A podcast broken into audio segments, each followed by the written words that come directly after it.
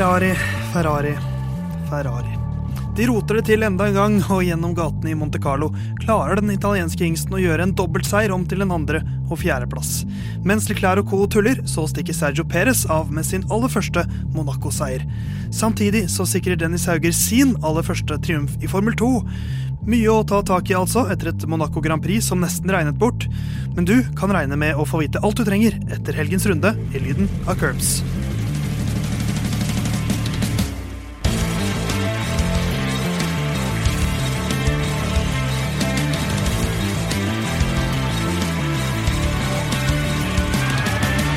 Ja da, ja da. Lyden av Curbs er tilbake vet du, med sin 14. episode. Din favorittpodkast og ditt favorittprogram om Formel 1 på Radio Nova. Og tallet 14 ja, det er jo et tall som vi kan trekke inn i Formel 1 også. 14 løpseiere. Det har også Graham Hill, Jack Brabham og Emerson Fittipaldi. Den troikaen har tre VM-titler til sammen. Max Verstappen og Charles Clair de har bare én VM-tittel til sammen. men de har 14 pole positions hver, passende nok i vår 14. episode. Theis er fortsatt bak spak og klaff i denne podkasten og dette radioprogrammet. Og Herman, du, du rakk sending i dag. Åssen går det med deg? Det går fint. Har akkurat fortært en baconpølse med rå løk, litt chiliketchup og vanlig ketsjup. Så jeg er jo oppe og Jeg ikke nikker, for det syns jeg er så harry å si, men jeg er, jeg er innpå noe her. Den 14. baconpølsa du har spist i år? Ja, du var veldig forberedt sånn intro her. Kun der jeg er forberedt. Ja. Jeg har ikke sett løpet. engang. Nei, nei, nei, det er øh, det, Men det var veldig godt forberedt. Ja. Jeg ble tatt på senga av uh, introen. Ja, Gutten har forberedt seg, mens du Jon Halvdan, hva har du gjort 14 ganger i år? Ikke si noe som har med sex å gjøre, for det orker jeg ikke. Uh, nei, det er vel uh, Sett en eller annen Formel 1-sending, kanskje. Uh, Ja. Inkludert treninger og kvalifiseringer og begynner å nærme seg det, vil jeg tro. Eh, jeg kom jo også litt seint i dag, så det er kanskje derfor du har tid til å gjøre research på så mye statistikk her, Theis. Ja, ja. Nei, men du, du kom jo ca. 14 minutter før sending. Eh, det gjorde jeg. Det, det er det er faktisk- temmelig nøyaktig. Ja, Det er temmelig nøyaktig. Så du, eh, da håper jeg jo at ettersom episodene våre går, så kommer jo dere to eh, tidligere og tidligere til sendinger. Tenk når vi er på episode 120, for eksempel. To timer før sending, så er Ja. Herman her. Ja. Jeg har jo en negativ trend øh, gående sånn sett, fordi jeg var jo fortsatt den seineste i dag. Selv om Jon Halvdan var treig, så var jeg treigere. Jeg meldte at jeg kom seint òg. Hørte Ja. ikke et ord fra deg. Nei, nei, nei. Men eh, vi skal, eh, vi skal jo på mange måter da prate om det treigeste Formel 1-løpet, nemlig Monacos Grand Prix. Nei, det er strengt meg dette, dette året som Monaco, syns jeg. Ja, det var, det var, jo, jo men, men i antall kilometer i timen så var det ikke Ja, det er i år. Det var det ikke. Men det, det var et saftig Melodi, eh, Melodi Grand Prix, faktisk. Ja, men det er ikke dumt heller. Det var MGP JR i helgen også. Ja, jeg har faktisk eh, sagt tidligere at hvis jeg må velge hvert år mellom å se enten Champions League-finalen eller Eurovision-finalen, så velger jeg Eurovision. 100 Det 100 En 0 prosent. Ja, men Ja. da er vi på 200% mot 0% Da vinner 200 da. Men For eh, en rar regnemåte. jeg er rå på statistikk. Jeg Ja. ikke utfør meg på det. Men vi skal ikke prate for mye om tallet 14 i dagens eh, sending av Lyden av Curbs. Vi skal prate mest om eh, Monacos Grand Prix, så da foreslår jeg at vi begynner på det ganske straks.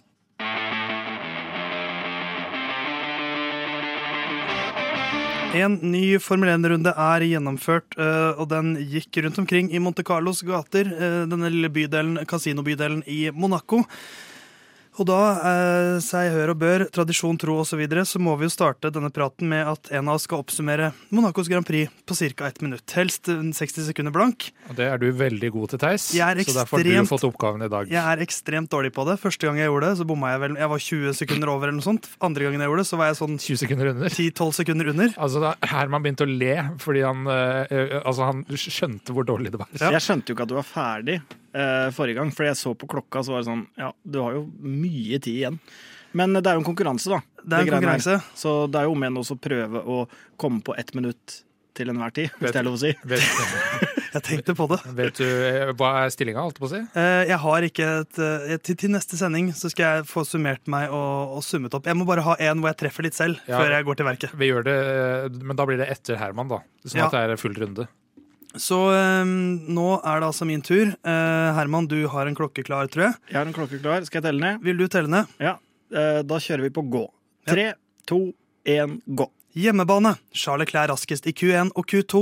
I Q3 bestemmer Perez seg for å parkere like før tunnelen.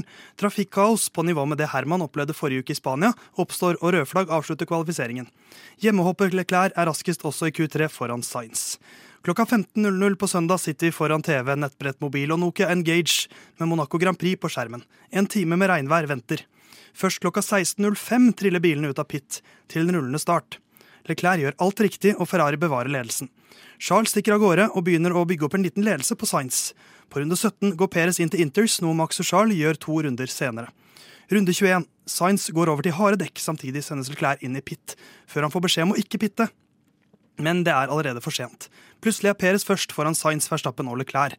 Gavepakke fra Ferrari, overcut av Red Bull. Noen minutter senere krasjer Mick Schumacher igjen og skaper rødflagg. Resten av løpet eh, etter restart er en klassisk Monaco, før det avsluttes på tidslimit forbikjøring. Hvem gidder det, ja? Sergio Perez vinner foran Sainz, Verstappen og en dypt, dypt skuffet Charles Leclerc. Ja, det var ikke gærent. Det har vært rett over, var det ikke? Ja, 1.02,66. Ja, men vet du hva? Til meg å være. Ja, ja, ja, så er jo, vet du hva? Jeg, jeg, du snakka sist her om at du blir nervøs. Ja. Jeg, jeg var så nervøs. Under, underveis i den der. Du lever jo av å snakke på TV. Jeg gjør det. Altså Men da er jeg ikke nervøs. Men Nei. nå jeg blir så nervøs av det. Jeg, jeg, jeg har jo lest manus på radio, uh, nyhetsbulleteng. Uh, og jeg, altså, pulsen går altså så opp Ja. uh, til minimum det dobbelte underveis i de der opplesningene der. Jeg er jo vant til å Fra, fra sportsnyhetene så spika jeg jo, men da hadde Selv om vi hadde dårlig tid, så kunne du ta flere takes. Da. Ja. Så da kunne jeg perfeksjonere Montreal Canadiens tar turen til Brooklyn, New York. Hermans første spik der, altså, Ja. på TV 2. Eh, men eh, vi må huke tak i eh, Jeg har lyst til å ikke begynne med vinnerne, for en gangs skyld.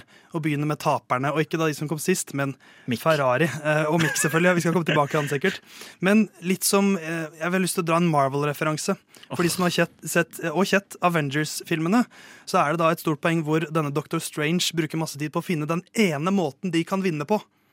Og du mener at eh, Thanos, Ferrari de finner den ene måten de kan tape på? Ja, De jobber og jobber, og jobber, og så er det én måte de kan tape på, og da finner de alltid den måten. For det vi så her, det er altså Det er ikke ofte jeg kan si det, men dette kunne jeg gjort bedre selv. Ja, nei, På det taktikkfronten også. ja, det er, det er eh, noe med det når eh, eh, altså, eh, sofaeksperter kan gjøre bedre strategi enn de som jo får greit betalt for å drive på med det her.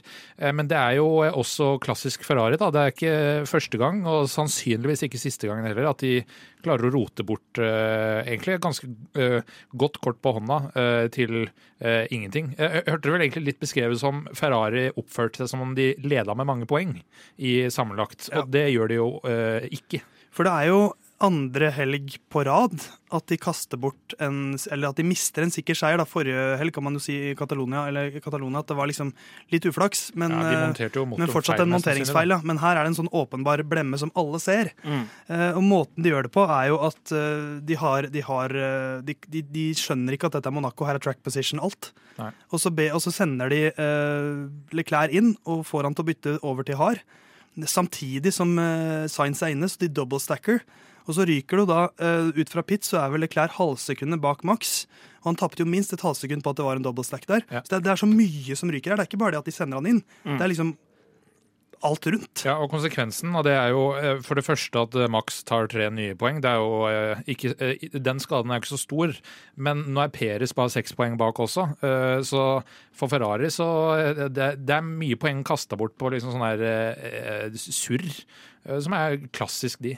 Hva burde de gjort, tenker du, Herman? De burde jo, siden alle dere som har vært eh, både dere to og Ole Røsvik, da, kanskje særlig, som eh, var gjest uh, når jeg var eh, på ferie, dere Syk. hadde jo dere hadde jo så høye tanker om dere sjøl at dere har jo satt dere på pitwall og som race eh, directors og Ja, men jeg kan si, jeg kan si hva jeg ville gjort. Jeg. ja, hele den pakka der. Er, for, meg, for min del, da, som mente sjøl jeg passa best som en eh, dekkbærer i pit-crewet, så er det vel kanskje bedre at dere forteller Ja. meg, Ja, men det, det, altså det virker jo ikke som at de snakker sammen på pitwall engang. Fordi Science sier nei, vi går rett til uh, Slicks.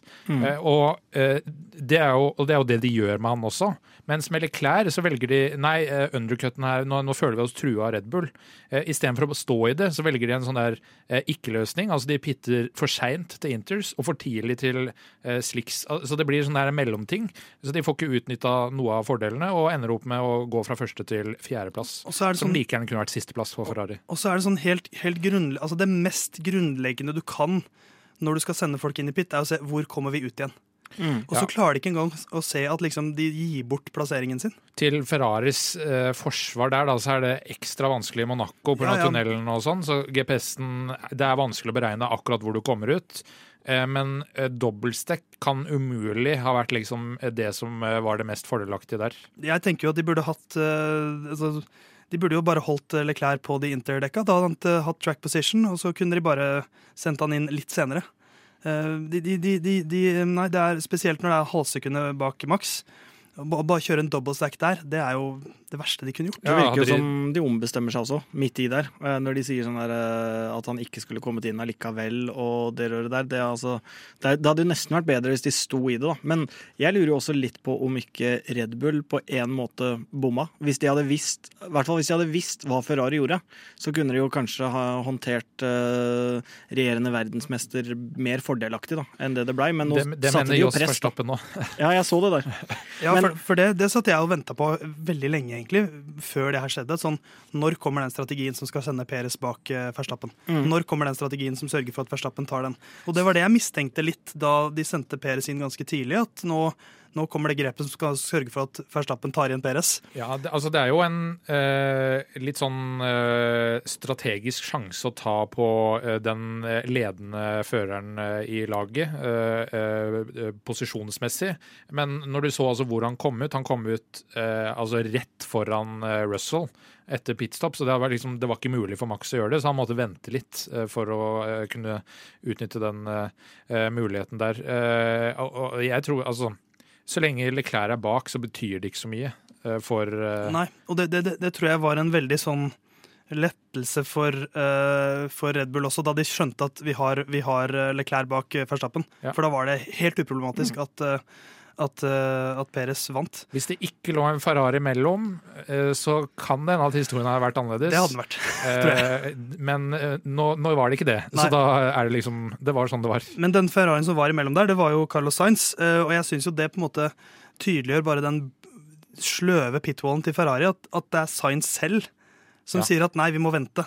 Og så er det hans løp det går best med, når han som, sitter, han som ikke har tilgang til noe data, annet enn seg selv og bilen sin, og de på pitwall klarer altså ikke å, å finne en bedre løsning enn det han i bilen gjør. Ja, og etterpåklokskap er jo beste klokskap. Hadde de venta eh, med eh, Leclerc, ikke pitta så hadde det rødflagget kommet ganske beleilig. Eh, så hadde eh, problemet vært løst uansett. Så eh, jeg, jeg mener at de, her rota de helt åpenbart. De blir for konservative når de bytter til Inters, eh, og så blir de for offensive igjen når Ja. de skal bytte til Slicks. Så det er veldig, de klarer ikke bestemme seg.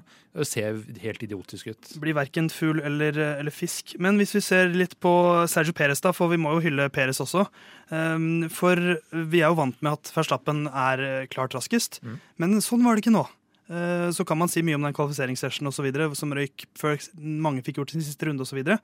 Men eh, mitt inntrykk gjennom helgen var ikke at Verstappen var nødvendigvis raskere enn Peres. Nei, det, det virka jo faktisk eh, tvert imot. Så jeg, eh, mens jeg satt og så, så kvalifiseringa, så skrev jeg til, til litt forskjellige folk at det, det er veldig typisk nå at Verstappen har sett dårligst ut i begge kvalifiseringene og den første runnen i, eh, i siste kvalifiseringsrunda. Og så klinker han til og får superrunde på ja, slutten. fordi det er noe med den mentaliteten til de som er best. Altså jeg, jeg ser for meg at nesten alle de som er førere i Formel 1, er i hvert fall de aller beste, da, er så å si like gode. Og så er det det å kunne hente ut og finne marginer og gå inn i en liten beast mode, da. Så det kan godt hende Verstappen hadde klart å hente ut det, men sånn totalt sett så var, den, var han jo dårligere enn Perez i helga. Ja, altså helga sett under ett, så har Peres hatt øh, overtaket. øh, men øh, når det gjelder den runda, siste runda der, så lå han ganske langt foran. Eh, så han hadde mest sannsynlig eh, kvalifisert over Peres. Eh, men Monaco er Monaco. Så uansett, sånn totalt helga under ett, så er det jo helt fullt fortjent at Peres tar seieren her, og flere poeng enn maks. Veldig kult òg, da, for den balansen i Red Bull. Altså, det er jo, hvis Peres nå får et sånt resultat igjen i neste løp, så er han jo veldig langt eh, oppe på lista. Da. Og hvis, hvis, eh, hvis ikke vi får Ferrari til å være bedre enn det de er akkurat nå, tenk å få den kampen i Red Bull. Da. Det hadde vært Ja, kult. altså, du skal til Baku neste år, og det er eh, topphastighet. eh, har mye å si.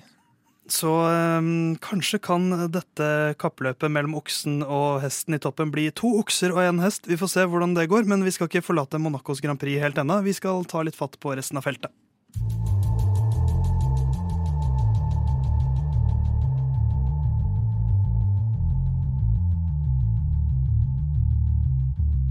Jeg vet ikke helt hva jeg skal si om uh, George Russell, som vi ikke har sagt før. fordi det er liksom det samme greiene vi bare må si.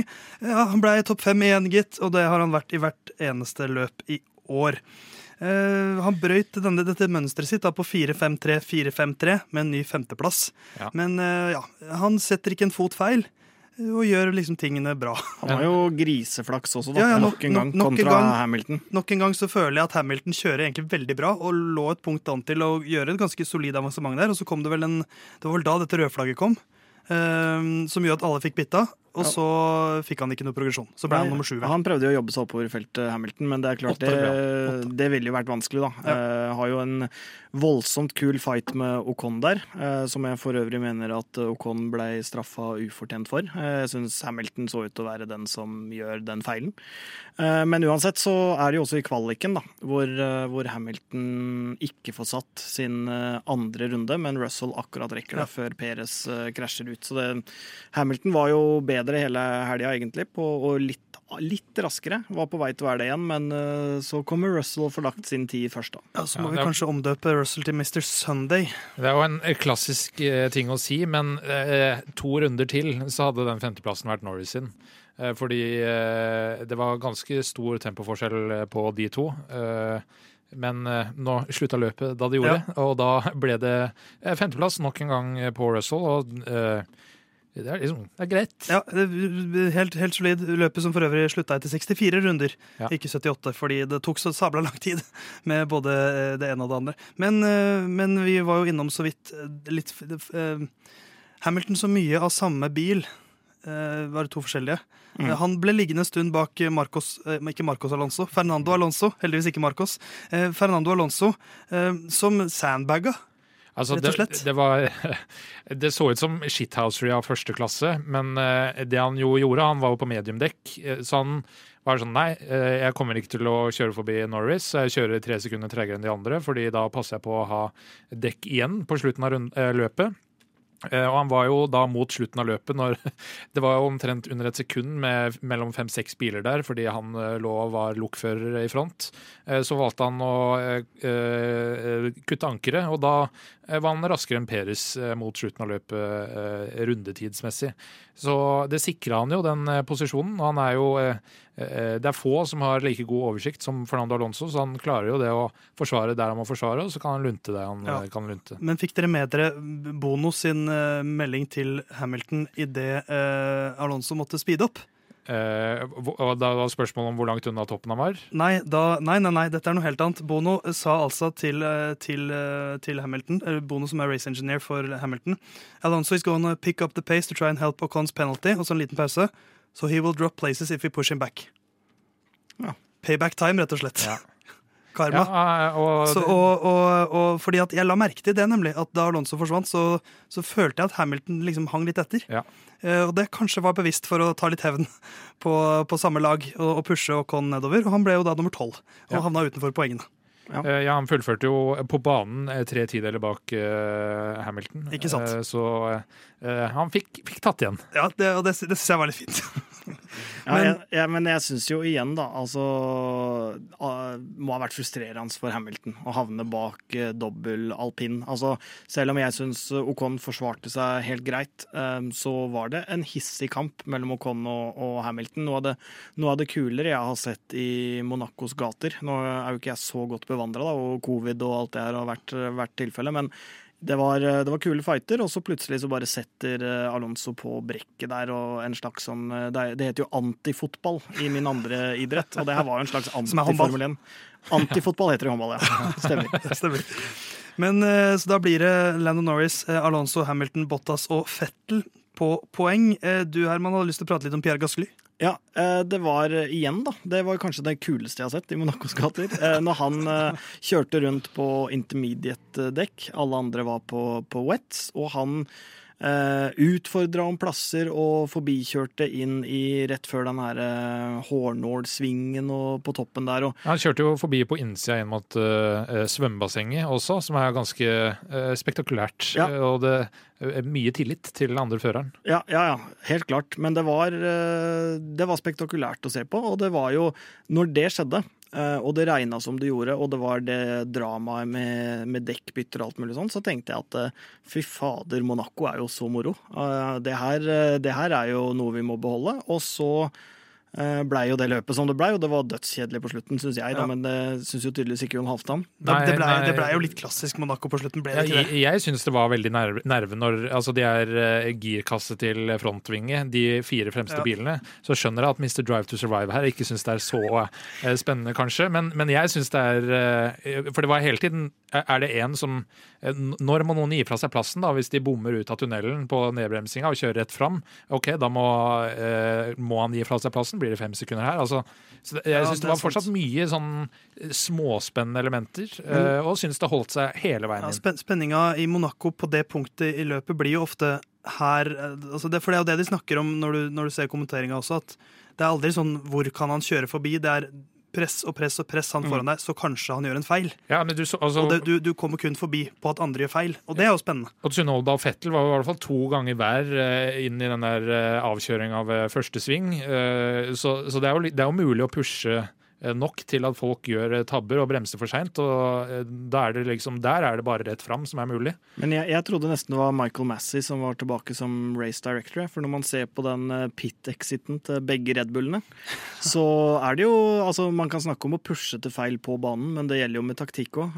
Og det ser jo ut som at de er over den gule linja før de skal. Ja. Og det virker jo Altså, én ting er hvis, hvis dommeren på en måte nå, nå har ikke jeg lest rapportene, da, eh, og hva Fia har sagt i ettertid, men at ikke det på en måte, i hvert fall på sending kommer fram at eh, det blir ordentlig undersøkt, og at det blir tatt stilling til, syns jeg jo er litt Ja, rart, da, selv om det åpenbart jo må bli tatt Ja, stilling til. re- regelen er uh, fra tidligere du, Eller tidligere så var det uh, toucher du linja, så er det straff. Eh, fra i år så er det som i fotball. Det er uh, først mål når hele ballen er over.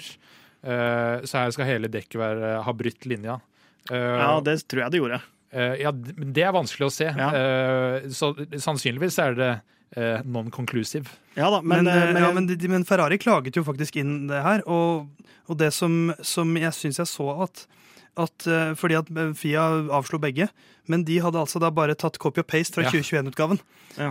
Og, og hadde ikke lagt til de nye reglene og sånt. Så de, det var tydelig at de var bare sånn Nei, fuck det, vi, Ja. den lar vi gå. Ja, da, så er det mange formildende omstendigheter. Eh, Det får jo en sånn slags sleng, eh, den ene av de Red Bullene i hvert fall, idet de akselererer der. Og, og det er klart, det, det er jo veldig marginalt, men rett skal jo være rett òg, da. Så, så det er jo kanskje en av de få tinga man kan pushe et annet team på på eh, Monaco. eh, Og at det da liksom Jeg vet ikke, altså Pit er én gang, én til to ganger i løpet. da. Altså Det er jo mange andre plasser. Og Ja da, men det er jo kritisk. Hvis, hvis han bryter linja der og, og vinner en plass på det, så er det 100 avgjørende for hvordan løpet Ja. ender. Og så er det ikke nødvendigvis så svart-hvitt, det er jeg enig i, men jeg synes det jeg savner kanskje i størst grad, da, er jo at det, det blir på en måte vist på sendinga, kanskje flere repriser, sånn at kommentatorene må Ja. nødt til å ta stilling til det. OK, hva er det som skjedde her?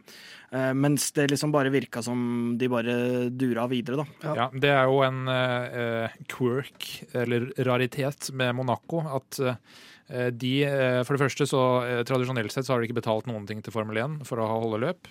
Eh, Og tar alle inntektene sjøl. Det uh, gjør ingen andre.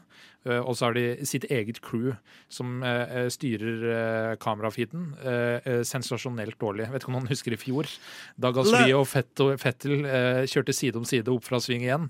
Og det var da vi fikk se Lance Stroll touche veggen for 17. gang. I reprise. Vi må ha en kjapp kommentar fra Lance Stroll. Good luck this weekend, Stroll! Han takker for omtalen. Ja. Eh, Et, Det er par, slutten av det lange intervjuet mitt. Ja. et par ord fra, fra deg, Herman, om Has. Som jeg sa i en, rekla- i en musikkpause her, at, eh, at uh, har en litt dårlig utvikling.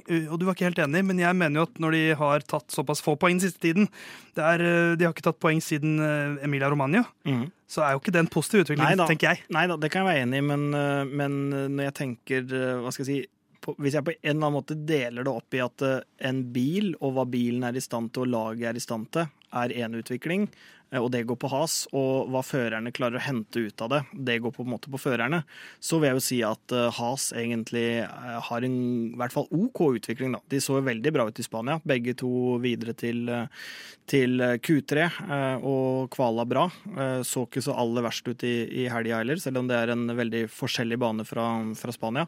Så det så ikke nødvendigvis så verst ut, men eh, de klarer jo ikke å hente noe ut av det. da. Og jeg sa jo at eh, hvis Mick Schumacher Mick Schumacher Mick Schumacher. det er jo for så vidt et ordspill som ikke er like bra. Men eh, hvis, eh, hvis Schumacher hadde en dårlig helg, så skulle vi legge ut et bilde av meg med én eller to tomler ned Ja. foran garasjen. Og det må vi legge ut på sosiale medier, da. Det, det kommer ganske straks. Siden bilen var i to biter, så er det vel to tomler ned? Ja, jeg ikke? husker ikke om jeg holdt én eller to, men jeg husker i hvert fall at jeg sto foran den garasjen hans med tommel ned og var misfornøyd. Og jeg syns jo han er syltynn. Vi skal komme tilbake til det, eh, men først skal vi komme tilbake til noe annet syltynt, nemlig deres tipping i Monacos Grand Prix.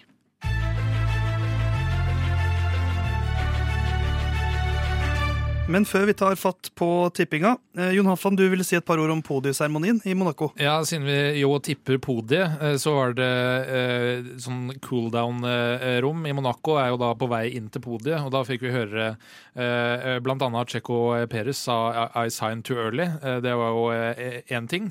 Det har jeg lydklippa. Hør ja. her. Eh, Det andre var at vi fikk høre prosedyren for eh, champagnesprutinga på eh, podiet. Eh, Og eh, eh, med, altså premien, holdt på å si, eh, altså den der eh, lille banen, Ja. ble jo delt ut eh, til, av førstepremien, prins Albert, altså fyrsten i Monaco. Eh, Og de fikk da på vei opp beskjed sprut utover mot publikum, ikke innover på, innover eh, på podiet. Hva gjorde Christian Horner som det aller første? Han er jo et jævla barn. Så han spruta på eh, ja, Science eller Peres innover, selvfølgelig. eh, og eh, avslutta med å, en unnskyldende hånd opp til prins Albert. Så han klarte da åpenbart ikke å følge instruksene på vei opp til podiet. Og Den eh, lille kommentaren fra Peres, bare for å tydeliggjøre det. eh, Han har signert ny kontrakt. Det var ikke offentlig eh, da han sa det, for å Nei, si det sånn. Vi Det skal- ble offentlig. Og vi skal prate mer om kontraktsituasjonen i feltet snart. Men vi må eh, oppsummere tippinga. For vi har en runde med tipping her i Lyden av Curbs før hvert eneste Formel 1-løp. Hvor vi tipper de tre beste, og vi tipper ukens sjuking, som er en spesiell hendelse som vi tror kommer til å skje i løpet av løpshelgen. Eh, og Herman, du har begynt eh, sesongen veldig bra. Du har vært i ledelsen helt siden starten, tror jeg. Stemmer. Og så har jeg jo både blitt sabotert, eh, det har vært bakvaskingskampanjer, eh, jeg har vært bortreist. eh, Så at det Ja, har det er, jo vår, Og du det har også- absolutt vår feil at Du du, har også en slags permanent offerrolle. eh, Det er riktig, og det også koster som du, krefter. som du trives godt i. Men vi har jo da vært enige om at det skal være en slags strikkeffekt, så den som leder, den er vi også strengest mot, mot i ukens sjuking. Men, det, men, det, men i ukens sjuking så er det bare tre poeng, tross alt. Så det er jo ingen som skal si noe om topp tre-tipsene, og der er det jo 15 potensielle poeng. Eh, så ingen unnskyldning, spør du meg. Du fikk ett poeng, Herman. Mm. Du tippa Leclerc, Verstappen, Russell. Du får ett poeng på at Verstappen var på din topp tre. Så tippa du at Russell vinner i ukens sjuking. Det gjorde han jo da vitterlig ikke. En Men, han, eh, der. men jeg føler samtidig at du var nærmere enn Jon Halvdan var i sin ukens sjuking. Ja, det For, for Jon, du tippa Verstappen som vinner foran Leclerc og Bottas. Du hadde da ett poeng på Verstappen, som var på podiet. Ja. Så tippa du minimum fem safety cars, og det blei to. Ok, men hvis vi teller opp. Vi starta med rødflagg rødflaggstart. Eh, Eller utsatt start, om du vil. Safety car leder rundt. eh, Vel å merke før løpet hadde starta. Ja, det er ikke godkjent. Eh, Så var det ekte safety car eh, før starten. Uh, og så var det rødflagg, som er uh, en slags safety car. Og før det var det også safety car. Det ble totalt to, men det kunne vært fem. Ja, ja, ja. Hvis som at det dersom at det, Det er sportens verden, det. Det der tror du ikke på sjøl Men, engang. Ja, men, eh, det jeg vil bare si, det var ikke så langt unna. men dette er en episode med mange oppturer for Theis. For det gikk veldig bra for meg. Jeg tippa Leclerc, Science Hamilton. Hamilton, faktisk. Hamilton. Ja. og fikk jo da fem poeng på Carlos Sainz, som ble nummer to. Og så tippa jeg også at i ukens sjuking så kommer Perez til å slå Verstappen, og Latifi kommer til å slå Albon. Og det skjedde. Oi, Ja, det er Tre poeng. Husker dere jeg sa eh, Peres kommer til å slå Albo, eh, Verstappen, og så skjer det et eller annet kødd med bilen til Albon. ja, jeg husker i hvert fall at vi, Spåmann! vi kritiserte det, fordi det var ikke nødvendig. Du ville få godkjent på Peres over Ja. Verstappen. Tenk så mye gøyere jeg har det nå, når jeg, traff på, når jeg faktisk traff på en enda større sjuking. Ja. Så det er første ukens sjuking vi har truffet med siden Herman tippet Russell over Hamilton. i Den er sjuk. Ja, men den var sjuk også. Så jeg vil si at jeg har den sjukeste ukens sjuking så Ja, langt det i år. er eh, by a country mile. Ja. Fordi han sa Peres over Verstappen. Og, Og- eh, Latifi Latifi over over Ja, men Russell over sju ganger verdensmester tidlig i sesongen? Jeg, Jeg, jeg, jeg syns ikke du skal få den foran min, min, min, det var, min det var tredje, jeg er enig. Jeg kan være Det var jo ikke første Milevis foran Herman. Milevis! jeg kan være enig i at han er foran, men den her eh, hånlatteren og, og så teit det var å tippe Russell over Ja, men Hamilton. altså, han har jo Nå, nå, nå, det altså 34 mindre poeng nå. nå, klarer eh, Herman nok en gang å skaffe seg den offerrollen. Ja, eh, han, han gjør det kun til å så, handle så, så vi må bare la han Theis, veldig bra. Takk, takk, Herman, Jon. vær stille. Takk, Jon. I, I sammendraget så leder selvfølgelig foran eh, Så leder selvfølgelig fortsatt rasshølet fra Langgangen, Herman Borgstrøm, med 35 poeng. Jon Alfan, du har 29, og jeg, closing the gap, 21 poeng. Ja. Med mine åtte poeng fra Monacos Grand Prix. Jeg kommer og tar dere nå, bare vent til Aserbajdsjan.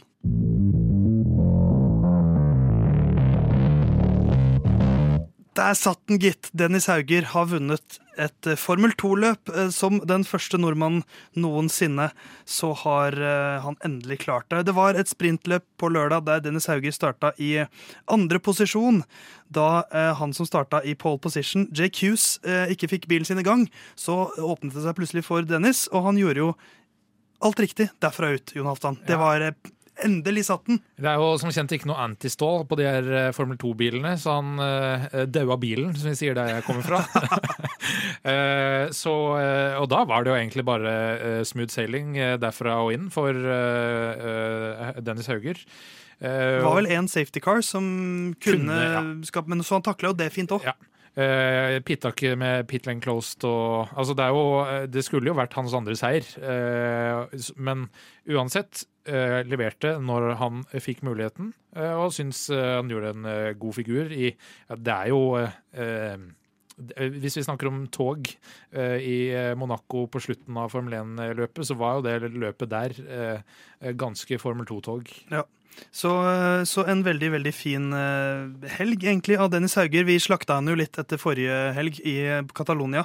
Men, hjalp. men viktig at han slår tilbake. I kvaliken var han topp ti. Det var en litt sånn spesiell kvalik, så de delte Formel 2-felt i to, og det var eh, gulflagg og det ene og det andre, så han lå vel an til å forbedre tiden sin. Eh, men så, så kom gulflagg, og det var det jo flere som da fikk, fikk kansellert runden sin, for å si det sånn.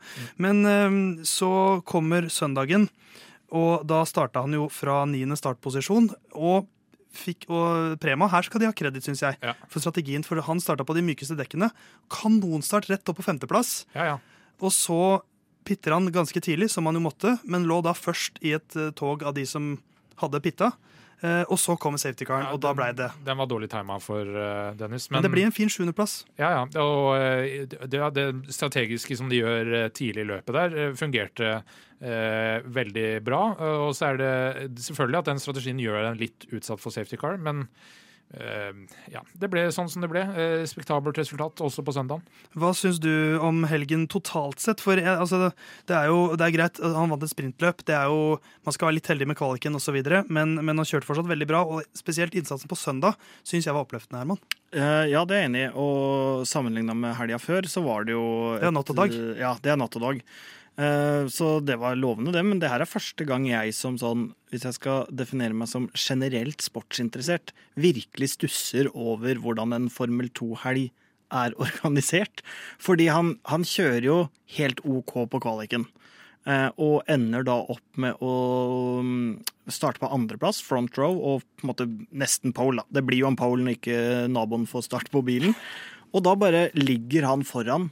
Altså Han kjørte som den eh, 11. eller 12. beste i kvaliken, og bare ligger foran og vinner et Han var niende best i kvaliken. Ja, greit. Niende best i kvaliken, da. Eh, og så bare vinner eh, løpet ved å bare kunne ligge foran. Det var sånn Det bare føltes veldig sånn sportsmessig rart. Men det er jo ikke sånn på de andre banene heller, da. Det er jo sånn da Monaco er, da. ja, men det, bare, det er første gang jeg liksom stussa over Jeg syns det, er- jeg synes det er kult det med, at, med reversed grid og at de holder på med det, men den gangen her føltes det liksom Jeg bare skjønte, jeg skjønner ikke helt hva det var som Nei, det- foregikk. det skal- Det skal jo henge høyere da å vinne featureløpet på Ja, søndag, som i- er basert på kvaliken. Og i år er det også færre poeng i sprintløpet, så det, det er jo altså ti poeng der. Det er jo det samme som en femteplass i featureløpet på, på søndagen. Så jeg, jeg er helt enig i at sånn det, er- Man kan jo stusse litt over det, men det skaper jo en, en, et jevnere og mer um, det, det skaper mer utfordring også for de beste førerne. Ja, ja, Som ikke enig får pole hver gang, og det skaper et mer spennende mesterskap. Drugovic hadde uh, et sprintløp som uh, var eh, alt som kunne gå galt, gikk galt. Ja.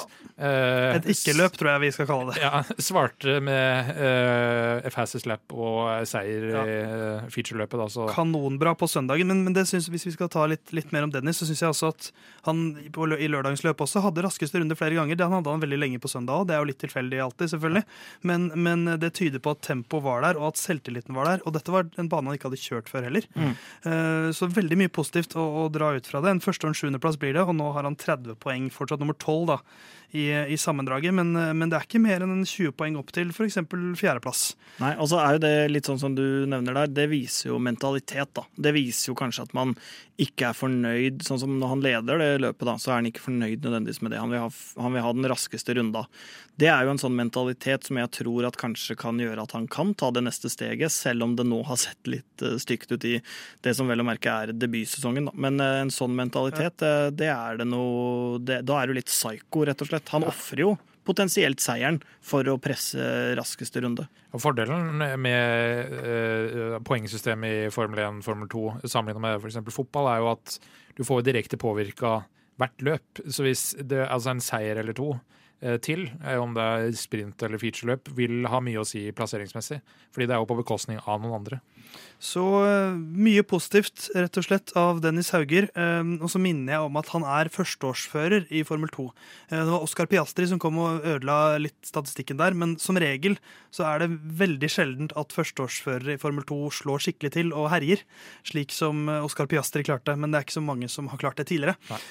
Sånn som Felipe Drogovic. Han kjører som et olja lyn fra Brasil nå, men han har, nå har han tre seire på fire løp, hvor de da fjernet det sprintløpet som hans ikke-løp. Det er hans eh, tredje sesong, vel, i Formel 2. Så han også har da eh, bygget opp sin Formel 2-karriere, og nå er han ser ut som best i feltet. Ja. Så bra jobba. Neste løp for Dennis er i Baku, eh, akkurat som Formel 1-gutta. Så vi får satse på at oppturen fortsetter der.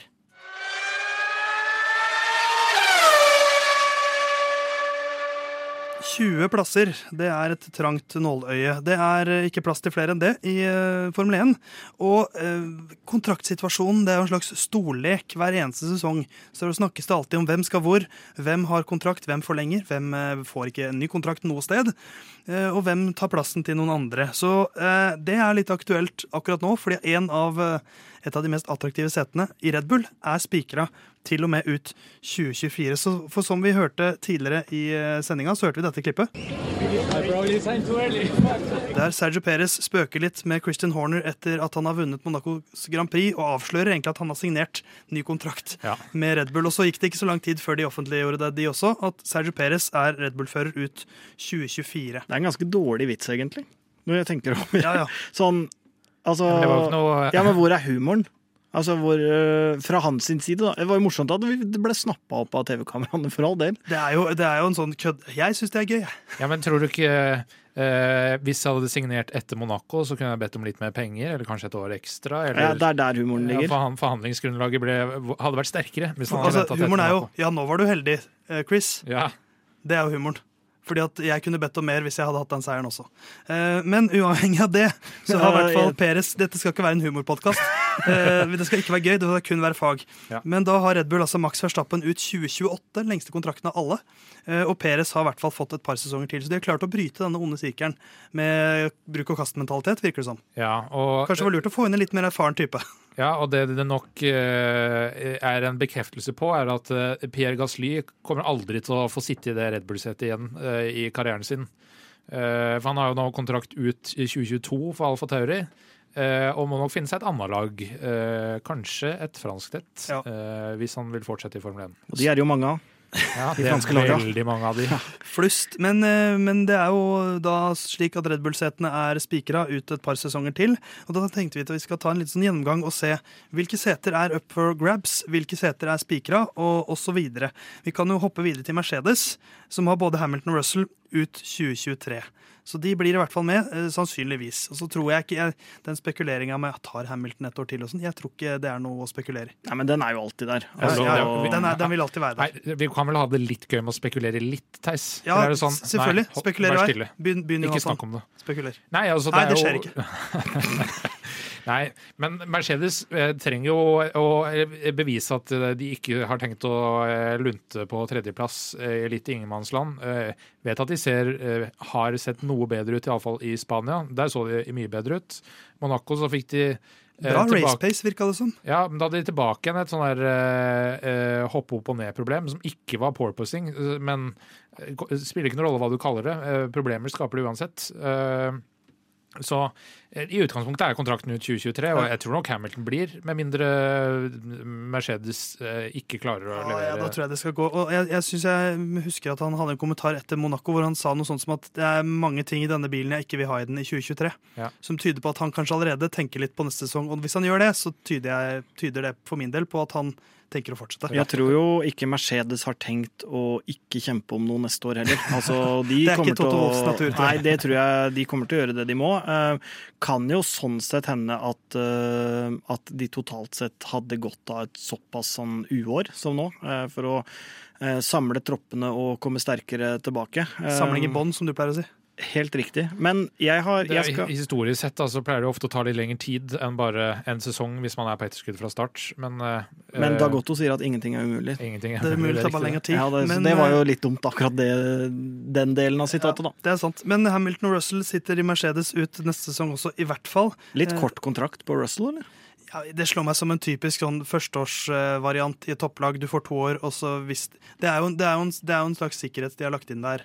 Ja. Mercedes også hvis han viser seg å ikke være så heit Ja da, men jeg, jeg kommer til å være mistenker. kritisk til alle avgjørelser akkurat her eh, når det gjelder kontraktene Ja. nå. Det er en rolle jeg spiller nå de neste fem-ti minuttene. Den sesongen Russell har så langt, så det spiller ikke noen rolle hvilket år det er, fordi han finner seg et topplag. Hvis Ja da, jeg syns bare den var veldig kort. Men Ja. vi må videre, for vi kan ikke prate så med lenge om hvert eneste lag. Ah, jo, Eh, Ferrari, vi kan gå kjapt gjennom Leclerc og Sainz ut 2024. De skal ikke noe sted med det første. Veldig lang på Sainz, syns jeg.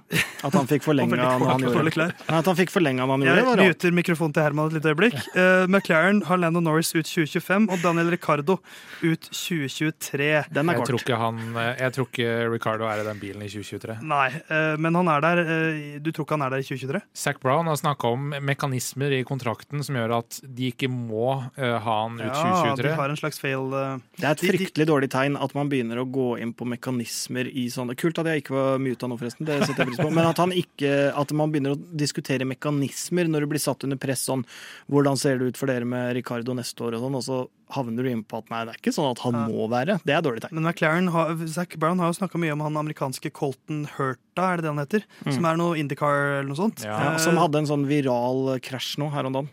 Ikke sant? Ja, og det, det er jo selvfølgelig eh, Men det, er jo Has da, som man egentlig forventer seg skal få inn en amerikansk fører. De gjør det jo generelt ikke så godt, eller historisk ikke så godt i Formel 1. Men Zac er, bra, er glad i amerikanere. Uh, ja, han er jo amerikaner sjøl.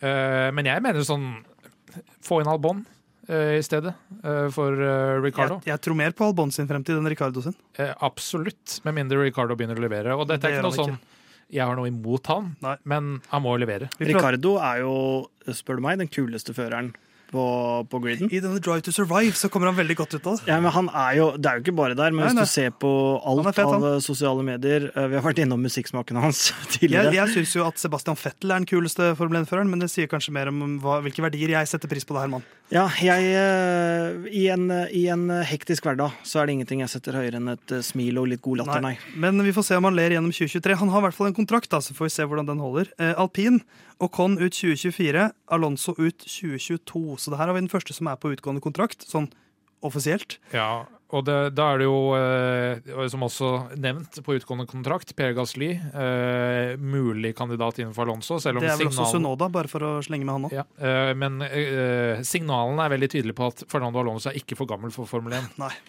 Eh, så at det blir forlengelse der, tror jeg. Ja, det, det passer, jeg føler han passer fint inn i det laget også nå.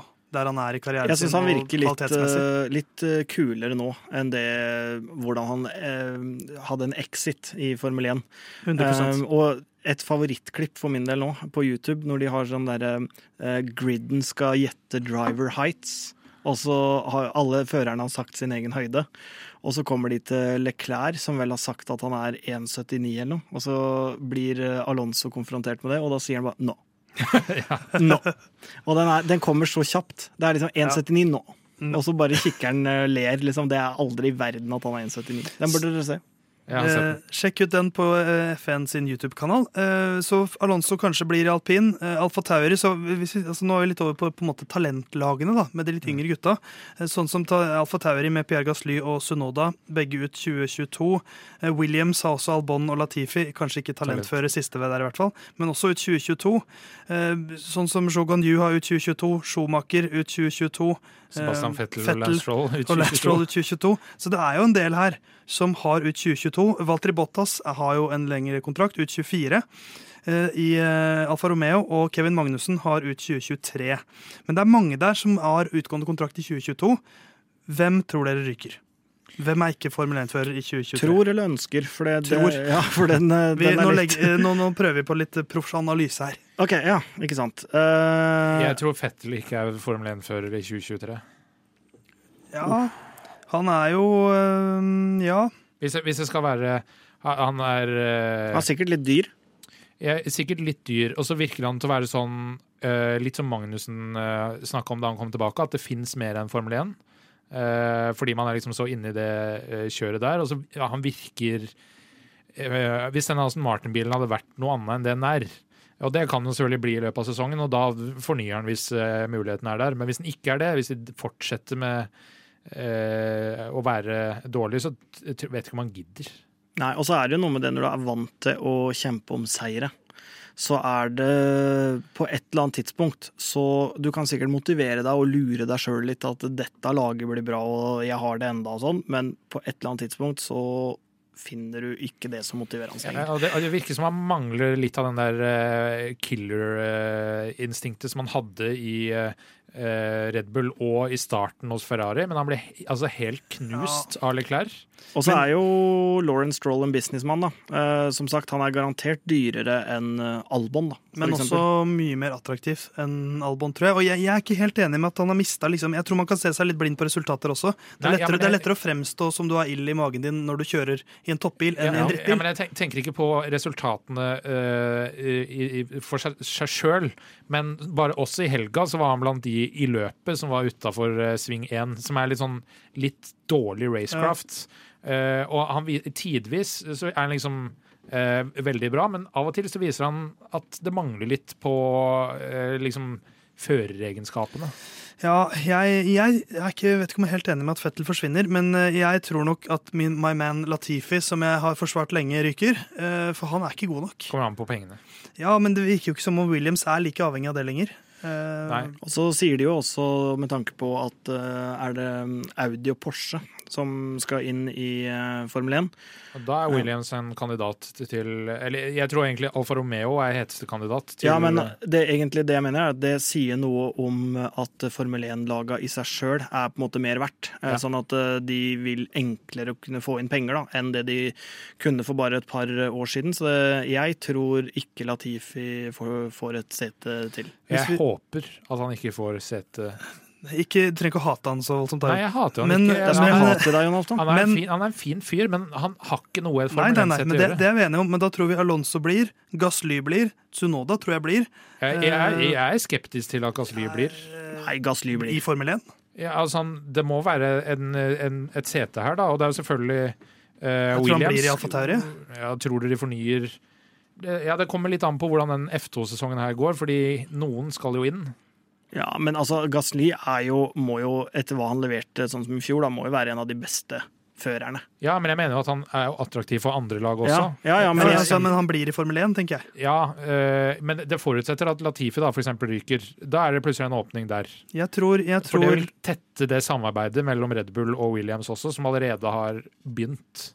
Ja, men jeg, jeg, kan ikke se et eneste scenario hvor ikke Gasly får et sete. Da er den sporten øde. altså, enda mer ja, politisk, da. Eh, altså, Hylkenberg eh, takter over det. Hvis han eh, sånn, sånn er det jo. Men eh, sånn avslutningsvis nå eh, Vi har ikke rukket å snakke så mye om Mick Schumacher, f.eks. Men jeg tror han får ny kontrakt. Ja, men vi kan ta en, ny, en, en kjapp runde her på hver av oss. Hvilke førere ryker til, år, til 2023? Jon, du kan begynne. Eh, da blir det Latifi og Fettel. Og Herman. Ja, eh, jeg, Herman er, også. jeg er enig i Latifi. Um, og så ville jeg kanskje sagt eh, Jeg kan være litt kontroversiell, da. Eh, så da tar jeg Max Verstappen. Nei, jeg, nå skulle jeg til å si Sunoda, men det er ikke så kontroversielt. Jeg hiver på Sunoda og Mick, da. Sunoda Mick. Jeg Og tror Latifi. Ok, tre nye. Ja. Jeg tror kun Latifi ryker, jeg. Ja. Og at uh, det bare er én ledig plass til 2023. Sånn at det er litt mer plass når Dennis Hauger skal inn i 2024. Uh, vi får se. Kontrakter, evig aktuelt. Vi kommer sikkert tilbake til det i løpet av året. Helt sikkert.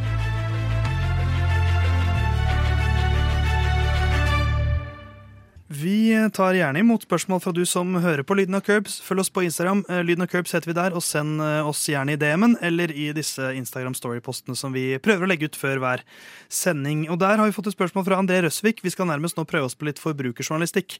For André lurer hvilke kommentatorer gir den beste seeropplevelsen? André eh, skriver at han føler de norske kunne gitt mer. Eh, det er jo deg om det, André. Men jo, jeg tenkte vi kunne prate litt om hvordan vi konsumerer denne sporten. Eh, Jon, hvordan, hvordan, ser du på Formel 1? Jeg ser på Formel 1 via f1twe.com. Uh, og uh, Det er jo flere grunner til det. Det ene er uh, økonomisk. Det er billigere i løpet av et år. Rundt 800 kroner. ja, 1000 spenn betalte jeg nå for tolv måneder, men hvis, hvis, man er tidlig ute, så kan man ofte få litt avslag. Ja, det kan man sikkert. Fikk jeg i hvert fall ja. i fjor, tror jeg. Ja. og så det, det, ene er selvfølgelig bonusen, at du kan se gamle løp. anbefales absolutt. Eh, og så synes jeg David Croft, eh, som er da Sky sin eh, Formel 1-kommentator, eh, er veldig bra. Han sitter sammen med Martin Brundle, som har kjørt Formel 1 eh, tidligere. Og så er det liksom, for meg, litt sånn rosin i pølsa, eller det ekstra, er Ted Kravitz, som løper rundt i pit lane. For han får mye Veldig karakter. Ja, veldig karakter, men han får mye ekstra informasjon som uh, man ikke får uh, som, som jeg opplever som uh, veldig nyttig, som man ikke får på de norske sendingene. Naturligvis, da, fordi budsjettene er jo Ja. helt annerledes. Men jeg foretrekker da Sky sine kommentatorer på FN TV, ikke de For Formel som er 1 på en sine egne. FNTV sine. Ja, jeg, jeg er også en som Will Buxton har begynt ser- å kommentere og sånn. Han gjør det. Og jeg får litt nok av han. Ja, det er mange som har fått det. Jeg ser også på FNTV, og jeg, jeg syns det er veldig, som du sier, veldig gode kommentatorer. Og man kan jo veldig lett switche mellom de to alternativene. Ja. Men også at for sånn rent spoilermessig så er det veldig, så syns jeg det funker veldig fint. Eh, FNTV.com, gå inn der. Ingen spoilere på noe Nei. thumbnails eller noe sånt.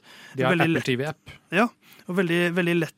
Og de, den husk, de husker hvor langt jeg er kommet i løpene osv. hvis jeg må dele det opp. Og, Og det er veldig, veldig brukervennlig. Og når jeg trykker, så er det Watch Live eller Watch from Start. Da, eh, da kan jeg også- skyte inn at uh, akkurat det samme er det på Viaplay, Ja, som ja. jeg ser det. Uh, det er ikke noe thumbnails som avslører noe. Du kan se direkte, eller du kan se fra start. Ja, Så- For det var jo den vi skulle pensle over på nå. At du ser jo på norsk, Herman. Ja. Og du, eh, hvordan, hvordan, fordi de har ikke den samme tilstedeværelsen, men de har jo en tettere tilknytning til det norske. Mm, det, ja, det har de. eh, Og det er jo eh, tatt seg opp voldsomt med studio og det hele. Nå har jo min tidligere kollega Regine vært til stede på flere av løpa. Får intervjua i hvert fall Tom Christensen og Mika Hacken og noen sånne eksførere. Tett på Dennis Hauger. Um, litt sånne ting. Ikke, den, ikke helt den store tilstedeværelsen med førerne enda, i hvert fall. Uh, men så kommer jo på det sånn som uh, André spør om her, da, med, om de kunne på en måte gitt mer og sånn. Uh, jeg syns jo Atle Gulbrandsen er en bra kommentator. uh, uavhengig av sport. Litt sånn, kan sammenligne litt med Kasper Wikestad i fotball. Eh, og jeg syns eh, Stein Pettersen er ganske bra, som er ofte sidekick. Og så er Henning Isdal eh, en sånn eh, Hva skal jeg si? En, en, eh, en som er veldig rutinert, da. Kanskje ikke helt det jeg foretrekker å høre på TV, men eh, det er jo helt greit, det. Bra historisk eh, Ja, ja, han, han, snitt. jeg skjønner hvorfor han er der, på en måte, men kanskje han heller kunne tatt et steg ut i studio. Eh, Og på en måte hatt eh, mer analysedel der, da. Eh, Men, nei, sånn, men det er noen svakheter, da. Av og til så får de ikke med seg det som jeg kan på en måte sitte og se på. Sånn at f.eks. når Peres gikk opp på førsteplass etter det her pit-røret, så, så var det så ble det, det ble ikke kommentert før to runder eller noe etter det. Og det er jo der løpet avgjøres. Eh, løpet avgjøres jo med den pitten. Eh, og ingen av kommentatorene får med seg at eh, Oi, shit, her har Ferrari driti seg ut. Det var Jeg husker ikke Det er mulig det var kommentert på Leclerc kontra Verstappen, tenker jeg. Men de antok på en måte at Sainz var i ledelsen, og Perez ikke var relevant. Så det er liksom, sånne ting er egentlig Det er nesten som å ikke kommentere et mål i fotball, da. Selv om det er to helt forskjellige idretter. Det er, sånne ting er kritisk, men jeg fortsetter å se på Ja. Viaplay. For det norske, det, altså det, er- det er jo veldig sånn en smakssak. Noen foretrekker at det er på norsk, og noen tenker at uh, det går fint at det er på engelsk, hvis man kan få liksom en litt større tilstedeværelse. Så jeg tenker at det er to gode tilbud. Jeg, har jo, jeg så jo på Viaplay før, nå har jeg gått til FNTV. Det er ikke noe problem for meg å se på Viaplay, for å si det sånn. Så, eh, så det var en liten forbrukerprat. Jeg vet ikke om det er andre måter å se det på. Være der live, da. Da ser du kanskje ikke så mye, Herman. Det er jo, Det er jo tredjemåten, på en måte. Det er jo, ja, det, det er et fint tilbud, det. Men du har jo også IPTV, da. Som gjør at du kan se fra alle verdens Ja, kanaler. Se med tysk og Ja, ja. kommentering. Ja, Men sånn som, igjen da, tilbake til sånn som dere som ser på engelsk, og kanskje har en bedre tilstedeværelse, og, og på en måte får vite mer. Det er jo litt sånn det er i, på en del Premier League-sendinger og Champions League-sendinger òg. Du kan sitte Ja. og høre Rio Ferdinand og Neville og Carriager og alle de her snakke, men eh, for min del, jeg tar heller Petter Myhre, jeg, altså. La det være siste ord. Jeg tar heller Petter Myhre, jeg, altså.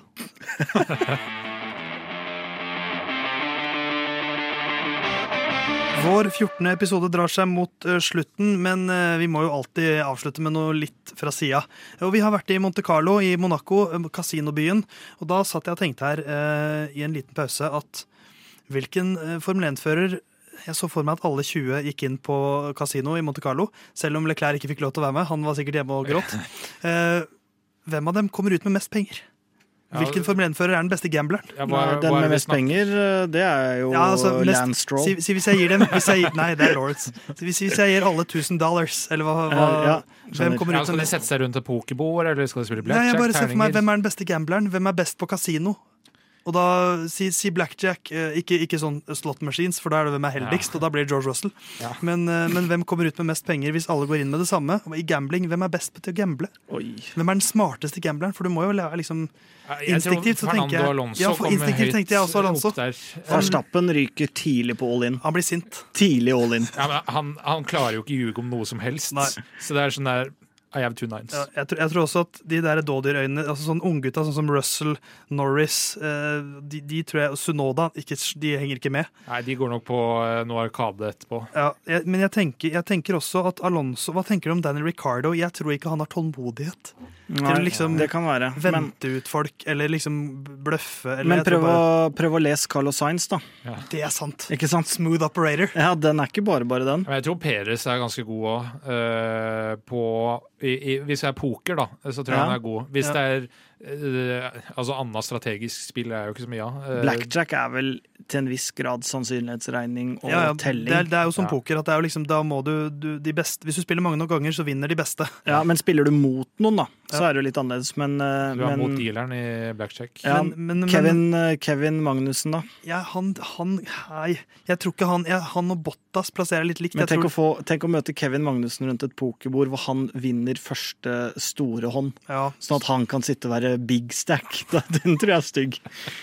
Sitter bare og For alle som skal være med på neste runde, må betale skyhøy pris og sånn. jeg tror, jeg, da tror jeg sånn Jeg tror Louis Hamilton han har, han har, sånn, han har tatt avstand fra det hele. Han hadde bare gått ut og sagt at jeg tar avstand fra gambling. Ja, det kan jeg se litt for Eh, meg. men- Sammen med Fettel. her, her får du pengene dine. Men, men da virker det som vi kanskje tror Perez, Sainz og Alonso. Alonso helt klart på topp. Ja, Nei, nei, nei. Jeg Jo, for meg er jeg, det Ja, ja, dere kan gjerne jeg, det. jeg tror det hadde blitt en spansk duell mellom Sainz og Alonso. Og jeg tror jeg tror Carlos, jeg tror Carlos Sainz hadde tatt det. altså. Det ble, det ble en spanskspråklig uh, fight, Ja. treveisfight der, da. Men hvis du velger Alonso, Jon Halvdan, jeg velger Science, hvem går du for da, Herman? Nei, jeg går jo for Kevin? Science. Du Nei, går for for? Science, men, eh, men eh, jeg syns ikke vi skal glemme den danske, den danske trenger. Den danske trenger. Nei. Han skal vi ikke glemme, eh, og han skal vi forhåpentligvis prate mer om når vi kommer til Aserbajdsjan, som vi tar fatt på i neste uke og ser fram mot. Eh, Kos deg med sommervarme, som det er i store deler av Norge nå. Ja, er det det, ja?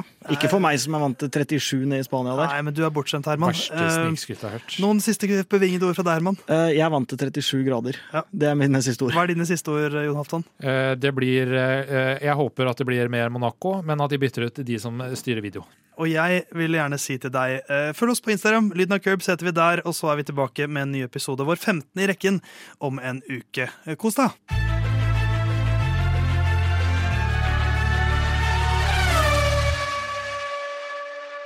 Good luck this weekend, Stroll. Thanks.